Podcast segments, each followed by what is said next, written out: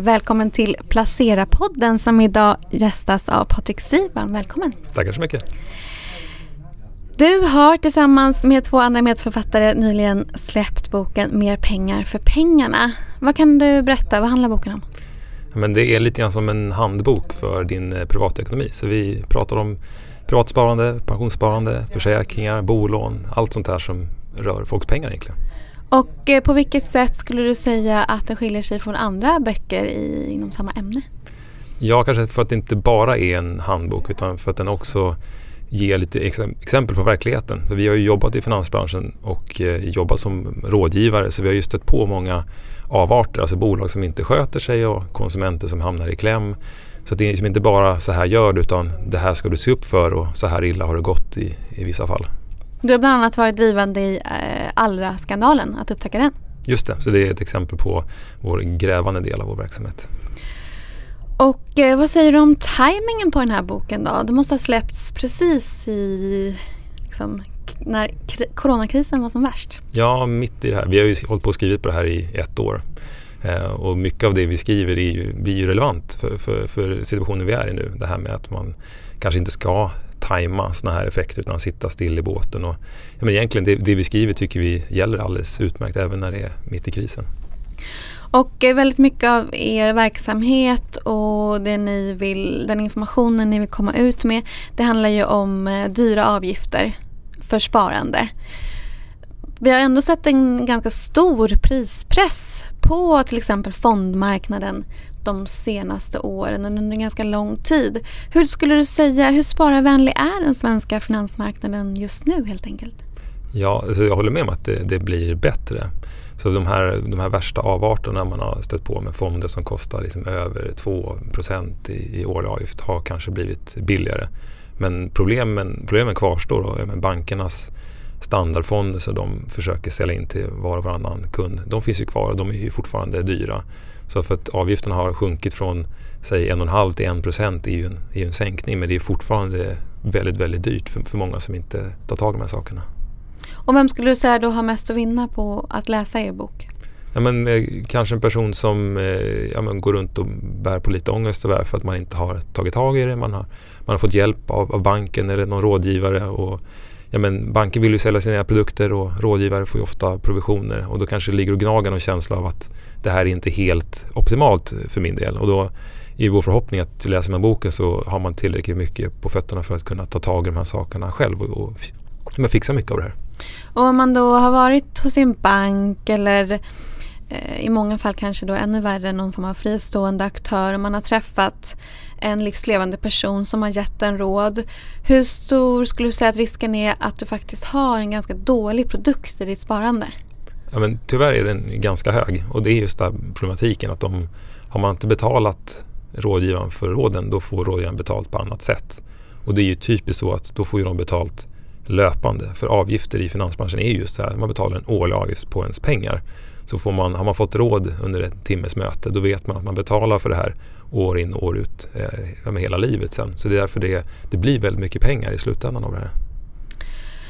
Och, och eh, det, Ni är väldigt mycket för att eh, man som sparare i princip bara behöver en enda sak i sitt långsiktiga sparande och det är en billig globalfond. Mm allt annat är, är skit? Eller vad ska man, hur ska man tänka Jag skulle inte det? säga att allt annat är skit men, men vi ser inte något mervärde i att liksom leta någon annanstans. Alltså det är några enkla principer. Alltså sparar du på lång sikt så ska du ha pengarna på aktiemarknaden. Det är steg ett och det, det, det är ganska otvistat. Det, det, det, är ingen som skulle säga något annat om det. Sen är frågan så här, jaha, vilket sätt ska du spara på aktiemarknaden på? Och då kan du ju spara i aktier själv och det kräver ju liksom engagemang, tid, kunskap. Det driver Eh, transaktionskostnader men du slipper betala fondavgifter. Och tycker man det är roligt, ja, men då kanske man ska hålla på med det. Men, men så här, gemene man går ju lite back på att man, man eh, trasslar in sig för mycket. Eh, sen eh, en annan aspekt är det här med hur ska du fördela pengar, vilken marknad? Ja, men har du en idé om att Europa ska gå bättre än USA och du vet det, ja, då ska du ha en Europafond. Men jag menar, eller vi menar, att det är ingen som vet vilken marknad som går bättre. Så väljer du en global fond då får du lite av allt. Du sprider riskerna Eh, och det är någon form av icke-val, så därav just då globalt. Och den sista frågan är så här, ja, men varför tjatar vi om låga avgifter? ja, men det här indexfonder är billiga och det finns ganska mycket vetenskapligt stöd för att billigt är bäst eh, i längden. Och eh, du själv har, eh, har, tidigare jobbat som kvantitativ riskanalytiker och hedgefondanalytiker. Och även din kollega som också var med och skrivit boken, Andreas Runnemo, även han har en bakgrund från hedgefonder och storbanker. Hur intresserade är ni själva av placeringar? Tycker inte ni om att det är kul att, tycker inte ni att det är kul att följa bolag och, och hålla på och räkna själv? Eller har ni också bara en eh, jättebillig globalfond? Mm, nej, men vi, vi lever faktiskt som vi lär. Så vi sitter på en, en billig global indexfond båda två, i, både privat och i pensionssparande. Och så här, vi kom ju in i den här världen inte för att vi är intresserade av finansmarknaden utan för att vi är bra på att räkna och bra på... Ni är matematiker? Vi är matematiker, vi är ingenjörer, fysiker och, och eh, programmerare i princip. Och eh, då kommer vi inte in med det intresset utan, utan eh, vi engagerar oss i det här för att vi märker att det är många med oss som jobbar motsvarande jobb. Som man jobbar med en sak men privat så sparar man på ett annat sätt och det är det här vi, vi vill förmedla till folk. Och eh, vi har sett eh, nu på senare tid inte minst, nu senast var det ett bolag som heter Exit som fick sitt eh, värdepapperstillstånd eh, indraget från Finansinspektionen. Eh, kommer vi se mer så framöver? Du vill ju förstås inte mm, ge något betyg till dina gamla, före detta kollegor för jag vet att du har jobbat på Finansinspektionen. Men hur duktiga är de egentligen på att liksom rensa eh, marknaden från den här typen av aktörer som man nu har gjort då till exempel med just Exid?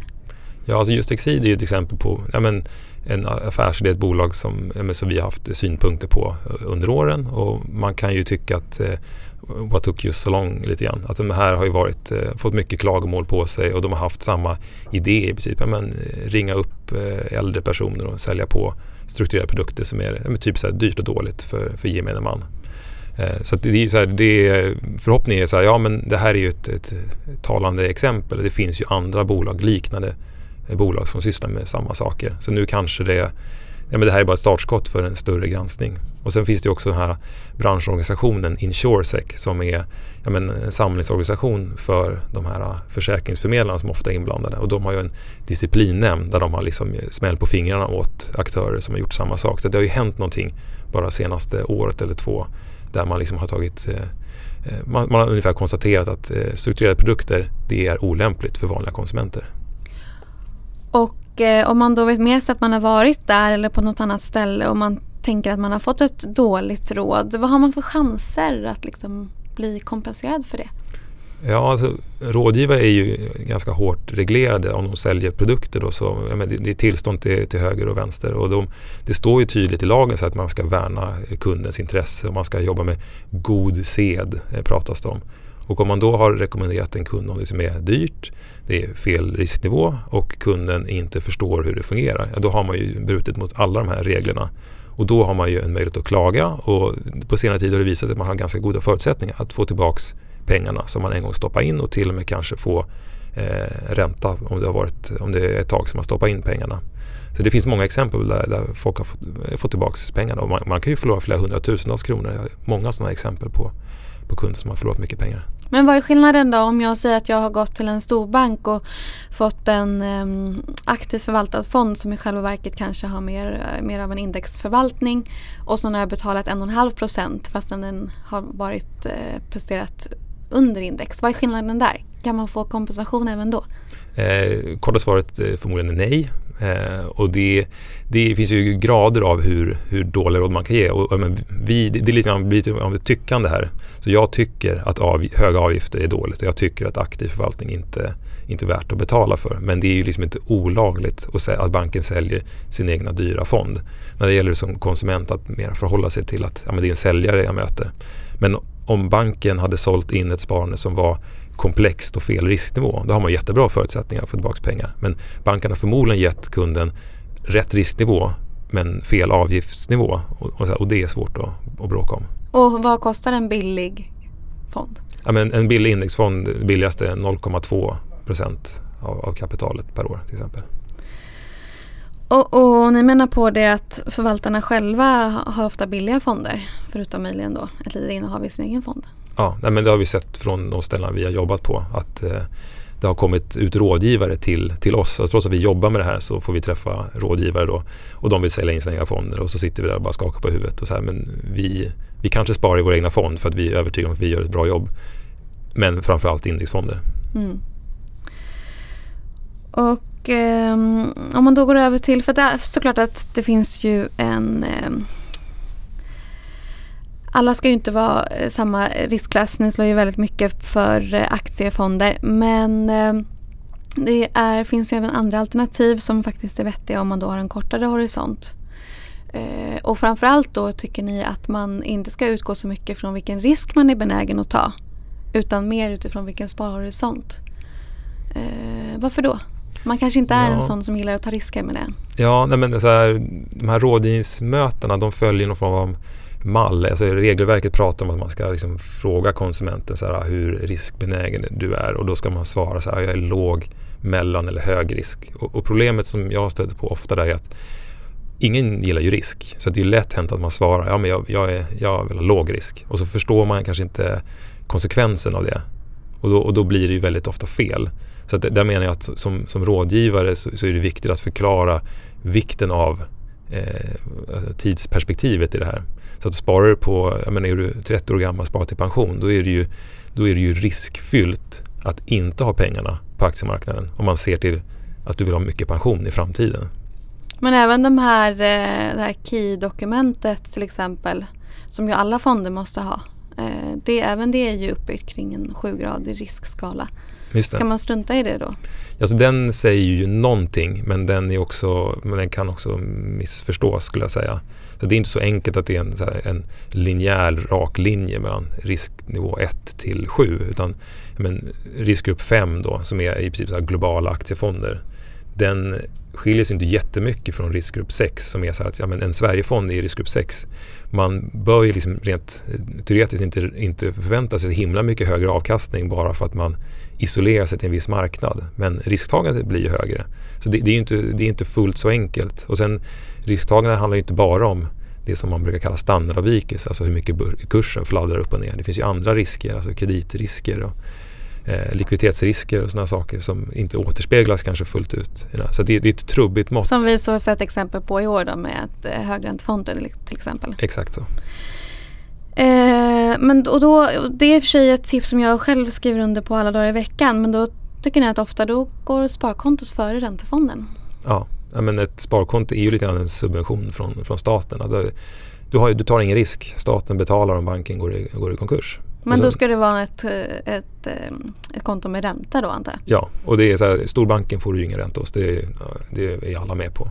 Så då får man liksom jaga sig fram till en, en lite mindre bank. Och det brukar vara de här, de kallas för nischbanker. Och det, det är SBAB, det är Marginalen Bank och Collector och allt de här är. Eh, och det är, det är bara att gå in på en prisjämförelsesajt och se vilk, vad får jag högst ränta. Och det, det enkla med sparkonto är att ja, men det, det är inte så mycket annat att, att titta på. Det är så här, insättningsgaranti, check, fria uttag, check och sen maximera räntan bara i princip. Och, eh, och den som säger ja men jag fick minsann 2 eh, på min räntefond förra året. Vad säger du till den då?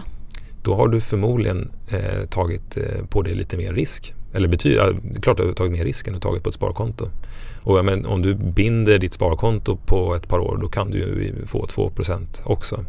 Så det är, och då är frågan så här, vad, vad är mest risk att sitta i en, i en eh, lång räntefond eller sitta i ett, eh, ett sparkonto där du är uppbunden. Så det, det är olika sorters risker. Och, och, ni tar ju såklart även pensionssparande i boken och det är ju ett sånt ofantligt stort område. Vi ska bara gå in på några små delar här och var. Eh, men generellt, vad skulle du säga att man ska ge då? Vad ger du för tips till den, den som är orolig för sin pension? Mm, ja, men, eh, uttjatat råd med den här, den här sajten minpension.se är ju en, en självklarhet. Att bara logga in där och, och, och bekanta sig med, med vad man ser. Och det du, det du får ut där som är viktigt är så här, hur ser prognosen ut? Alltså om du är nära pension så blir den, då blir den lite relevant. Är du ung då är prognosen förmodligen helt missvisande. Så det, ju äldre du är, kika på prognosen. Och annars är det ju så att ja, men på, på den sajten så ser du var alla pensionerna var de finns någonstans. Så vill man börja nysta de här sakerna och titta på sina avgifter då är det utmärkt att börja på min pension och sen så kan man ju då beta av eh, sparandet ett och ett och titta så här, ja, vad, vad, kostar det här, vad kostar det här, vad har jag för valmöjligheter? och sen försöka liksom stuva om det här om det nu är så att det är dyrt på, på något håll. Och flytträtten då? Ja, det här är en fråga som har varit igång länge så det är inte självklart man kan flytta på pensioner. Det diskuteras ju mycket nu att, att luckra upp den här flytträtten från, från eh, lagstiftarens håll och det pratas också om att få ner avgifterna på att flytta. För det också 600 varit ett kronor. Just det, man vill införa ett tak så att max 600 kronor för att flytta. Och det vore ju suveränt för ja, men, bara för något år sedan kunde man ju se exempel på att folk betalar 50 liksom 000 för att flytta på en pensionsförsäkring. Det är bisarrt. Men är vi, är vi månader bort från att det helt enkelt blir klubbat och klart? Ja, det pratas om att det ska börja gälla från årsskiftet om de inte kommer på andra tankar. Så det kan ju bli att det, det kanske blir tusen kronor men bara här att man tar bort de här procentuella avgifterna. Det är, det är det absolut viktigaste. Så går man in och tittar då och ser att man har eh, en del dyra lösningar så kanske det ändå är klokt att vänta till årsskiftet? Ja, absolut. Det, det kan vara. Man, man, kan alltid se över sina fondval. Det, det, går ju alltid att byta och det brukar vara väldigt enkelt. Men vill man flytta på saker då, då, kan, då kan det finnas en poäng att vänta till årsskiftet. Och eh, den som sitter eh, och vad är det, nio av tio arbetstagare har eh, kollektivavtal. Och det betyder, betyder ju kollektivavtalad tjänstepension och då kan man ofta välja, eller då kan man i princip alltid välja mellan traditionell försäkring och fondförsäkring. Ska man alltid välja fondförsäkring då om det går? Om, om, man säger, om man är under 55 då har man det här långa perspektivet och då som jag, som jag brukar säga så är det, då är det jätteviktigt med maximalt med pengar på aktiemarknaden och det får man inte i en traditionell försäkring. Så därför säger vi, är du under 55, definitivt fondförsäkring.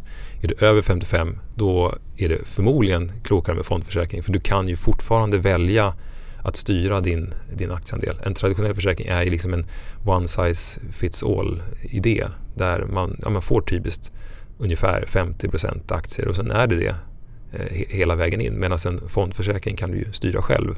Eh, så att vill du ha mer eller mindre aktier, men då, då balanserar du mellan aktiefonder och räntefonder. Och eh, vilka generellt skulle du säga bör oroa sig för pensionen? Ja, om man har vet med sig att man inte haft eh, tjänstepension på de arbetsgivare man varit hos eller man har jobbat deltid eller liksom på något sätt så här, skilt sig från gemene man. Då kan det vara läge att se över det här med prognosen som jag nämnde. Och då kanske man behöver komplettera sitt sparande och då är det typiskt att man med sina privata pengar då behöver liksom lägga dem på ett separat konto, eh, gärna ISK, gärna aktiefonder eh, och ha, se det som ett, en komplettering liksom till ens pensionssparande. Och eh, när man sitter då och funderar på om man ska börja jobba på ett nytt jobb till exempel. Hur stor vikt tycker du att man ska lägga vid just eh, pension, alltså tjänstepensionen? Jag tänker att det kanske inte är det som man väldigt ofta tänker på. Särskilt inte om man är lite yngre. Nej, Nej men det viktigaste är ju lönen för det är ju stora pengarna. Och sen fråga nummer två bör ju vara tjänstepensionen. Men många tänker ju kanske så här ja, gymkort, eh, fruktkorg och såna grejer. Men, men tjänstepension är ju den näst största förmånen typiskt. Så den, den, man bör ju liksom kolla, så här, ja, men finns det tjänstepension? Och finns det inte det, det betyder, inte, det betyder att man inte ska jobba där. Det betyder bara att man måste ha det med i kalkylen när man jämför. Säg att man har två olika jobberbjudanden. Det ena med tjänstepension, det andra utan. Då behöver man liksom väga in hur mycket pengar det faktiskt går miste om här. Och eh, om man då har en, eh, om man jobbar på ett ställe som inte är inom kollektivavtal men ändå har tjänstepension och så ser man, eh, vad är det här för lösning då? Till exempel om det står Söderberg Partners eller något sånt där som jag vet att ni har som lite vana för på er eh, hemsida. Vad, vad tänker du, hur kan man göra då? då? Ja, det, det är, alltså är man utanför kollektivavtalet då är man lite i vilda västern. Liksom, det kan vara allt från eh, jättebra till jättedåligt. Och det är väl i, eh, i huvudsak, alltså det, det folk missar är att tjänstepensionssparande, där betalar man avgifter på två ställen. Först betalar man till försäkringsbolaget och sen betalar man för själva fondförvaltningen. Så det, det, ja, men det enkla är att titta vad, de här, vad det kostar och jämför med vad, vad är mer rimligt. Om man och hur vet man vad det kostar? Eh, ja, men det man ska leta efter är det som heter kapitalavgift. Det är vad försäkringsbolaget har betalt. Och sen fond, fondens avgift, alltså förvaltningsavgift för fonden. Och fonden kan du ju välja själv. Det är tämligen enkelt. Det är bara att gå in hos försäkringsbolaget och välja och vraka i fondutbudet. Och när det gäller val av försäkringsbolag så är det ofta så att arbetsgivaren antingen har bestämt vilken det ska vara eller så finns det någon här mellanhand som har ett begränsat utbud Och det gäller att försöka plocka det bästa ur det här utbudet. Men ibland, eller det vi stöter på ofta är ju att det här utbudet är så pass begränsat och att det, liksom, det, finns inget som är riktigt bra utan man har liksom med flit på något sätt sållat bort de bästa alternativen eller de billigaste alternativen. Och då kvarstår egentligen bara att eh, beklaga sig hos arbetsgivaren. För det är ju som ett utbrett problem det här att arbetsgivaren ser ju tjänstepension som en så här, jaha, det är en hygienfaktor, vi måste ha det här. Men de vill gärna betala så lite som möjligt och, och, och hålla på att administrera så lite som möjligt. Och det är därför de här mellanhänderna kommer in och löser arbetsgivarens problem. Och då blir det istället ett problem för den anställde som liksom får betala höga avgifter i slutändan ofta. Och det finns till och med något exempel på eh, när eh, arbetsgivaren i princip eh, ja, man har gått med på ganska dåliga villkor för sina anställda för att företaget ska få ett bra lån. Mm. Nej, jag, jag, pratar med mycket folk och, och eh, alltså konsumenter och, och, frågar mig ofta så här, men hur kommer det sig att din arbetsgivare hamnar i den här lösningen? Och då ringde jag bara upp arbetsgivaren och frågade runt lite grann. Och då var den eh, så skön och transparent att den bara berättade att ja, men vi har ganska mycket lån på här, i den här verksamheten och, och, och banken gav oss förmånliga villkor om de också fick sköta våra anställdas pensioner och framförallt ge råd. Så där var det som att banken såg det som en förmån att få ge råd. Och då förstår man ju liksom hela det här som vi tjatar om att rådgivning är ju någonting som är en, det är en försäljningskanal egentligen. Om man tjänar mycket, över kring 45 000 är det för, för närvarande då, eh, så, så kan man ju löneväxla till exempel. Eh, om inte annat för att kompensera för att den allmänna pensionen har ju tak. Eh, men ni tycker att branschen överdriver hur bra löneväxling är. Och då blev jag lite nyfiken på varför då?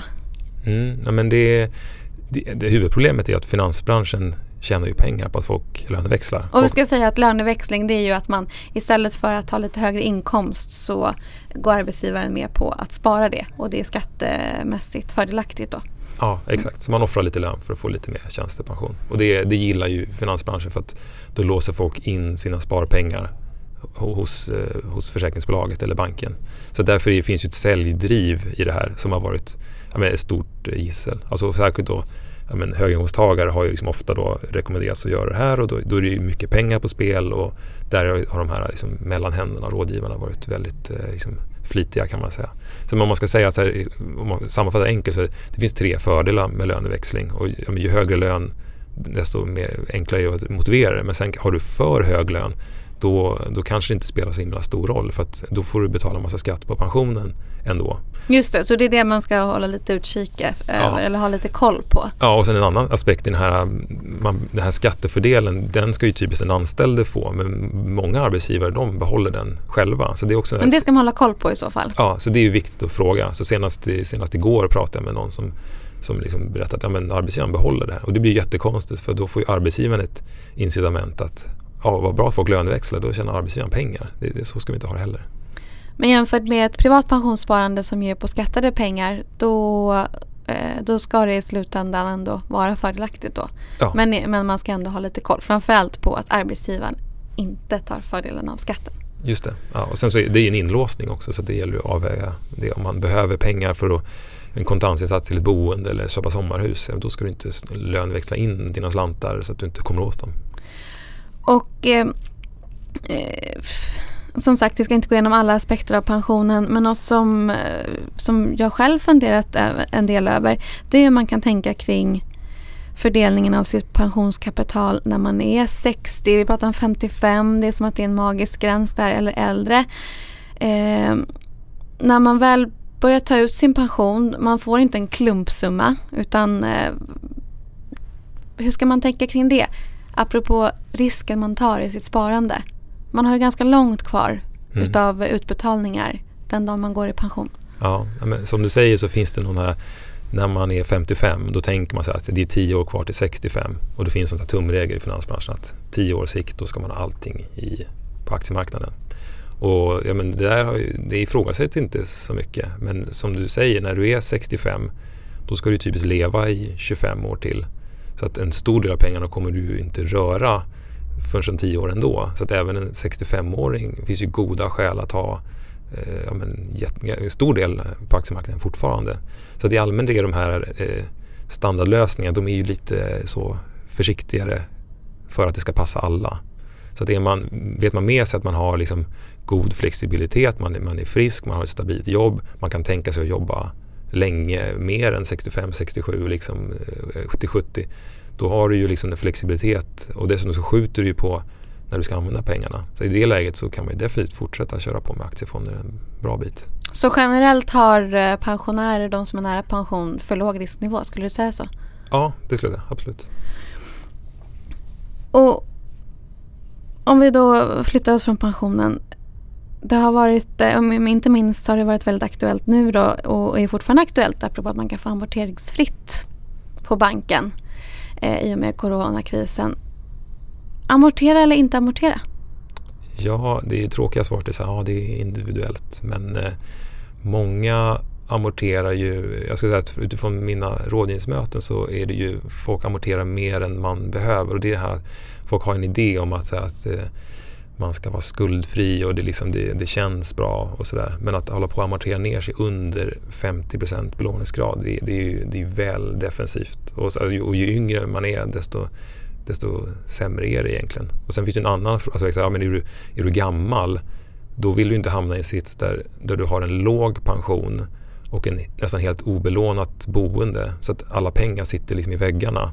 Och då blir du hänvisad till sådana här Eh, seniorlånslösningar där man får betala en betydligt högre ränta än man gör på ett vanligt bolån. Så, att, så här, ibland rekommenderar jag folk som så här, börjar närma sig pensionsålder, så men låna på det, passa på att låna på det nu ett vanligt bolån så att du liksom inte hamnar i en omöjlig sits eh, senare istället. Så att, ja, det, det är verkligen svårt att svara generellt på den frågan. Och eh, då också på, apropå bostad, bundet eller rörlig ränta. Det är inte lika lätt att svara på nu när den rör, är, bundna räntan relativt ofta är lägre. Mm. Ja, men det här eh, som vi tjatar om att eh, rörlig ränta är billigare i längden. Det, det, det, är svårt att urskilja den på, när man tittar på erbjudanden man får idag. Men jag skulle säga att de, de avspeglar väl just det här att prognosen säger att räntan kommer vara typiskt oförändrad eller kanske kommer vara lägre framöver. Och då, då, då ser vi det vi ser. Och då, då är poängen med att binda räntan den uteblir ju då också för att sannolikheten att den ska springa iväg är ju låg. Och sen har vi den andra aspekten att ja, men banken eh, gnuggar ju händerna när du, när du binder räntan. För att, ja, men det blir ju svårt att eh, byta bank om du har bundit upp räntan. Och, eh, och det, skulle du byta boende, eller säga att du ska sälja boendet och bo i någon form av hyresrätt, men då är det samma problematik där. Så det, att eh, ha liksom en kort, kort relation med banken eh, så att du har förhandlingsutrymmet kvar. Det, det finns ett värde i det också.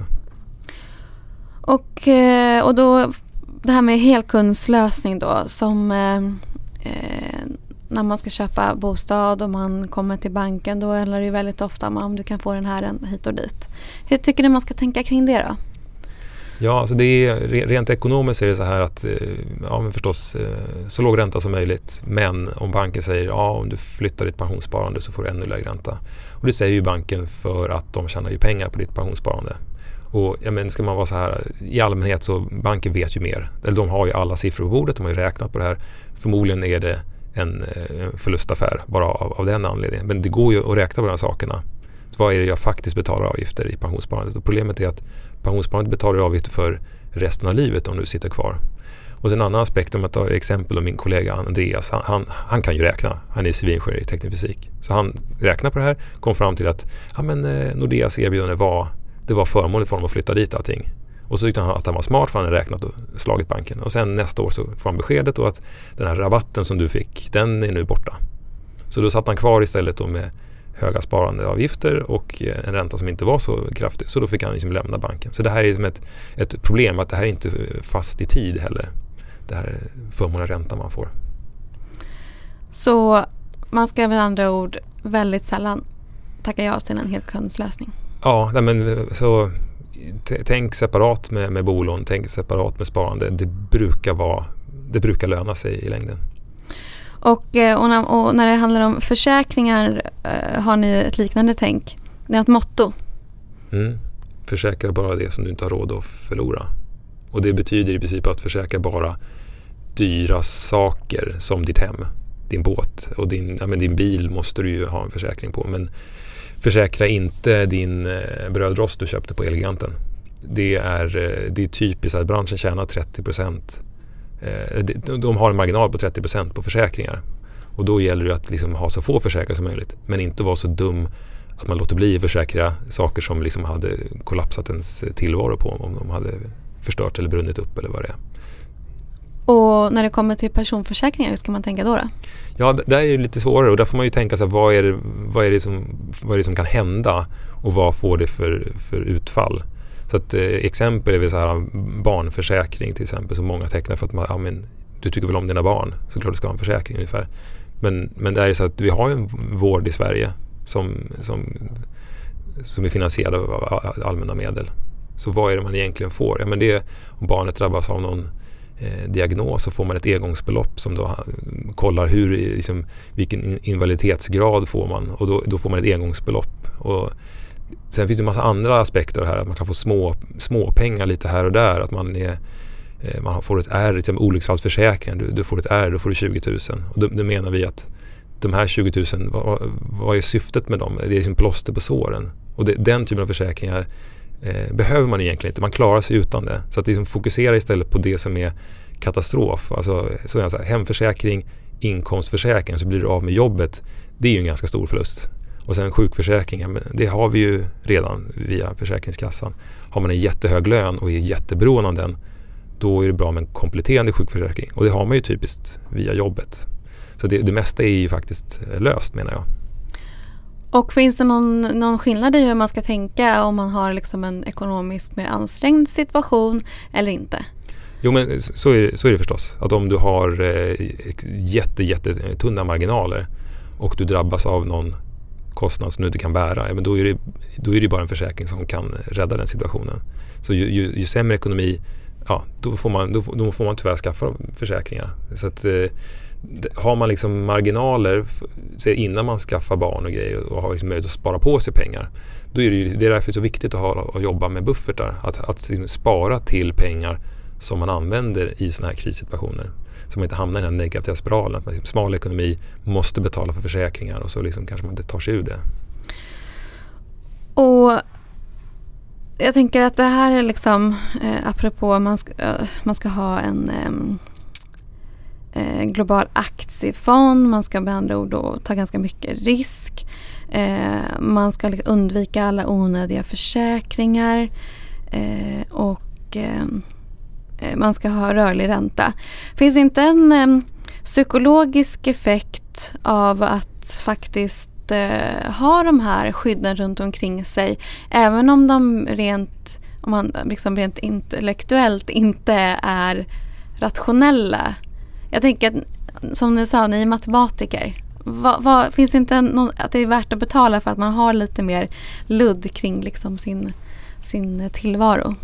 Ja, alltså vi, som du säger, du sätter fingret på det. Vi är matematiker. Så vi, vi har en väldigt som ekonomisk inställning till de här frågorna.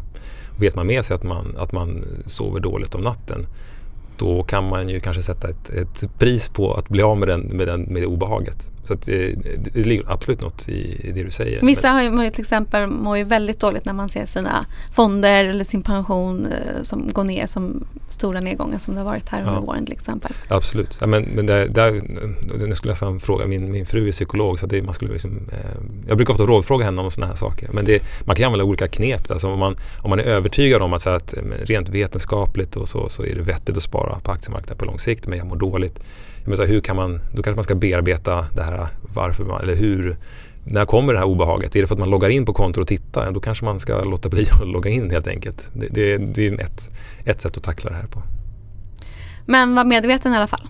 Ja, alltså, det är ju bra att man tar tag i de här sakerna och vet att man gör rätt en gång för alla. Sen tycker inte vi generellt så är det inte så ofta man behöver logga in och, och bevaka de här sakerna. Framförallt inte pensionen. Men, som jag nämnde tidigare, är man under 55 så alla bör ju i princip göra på samma sätt, eh, tycker vi.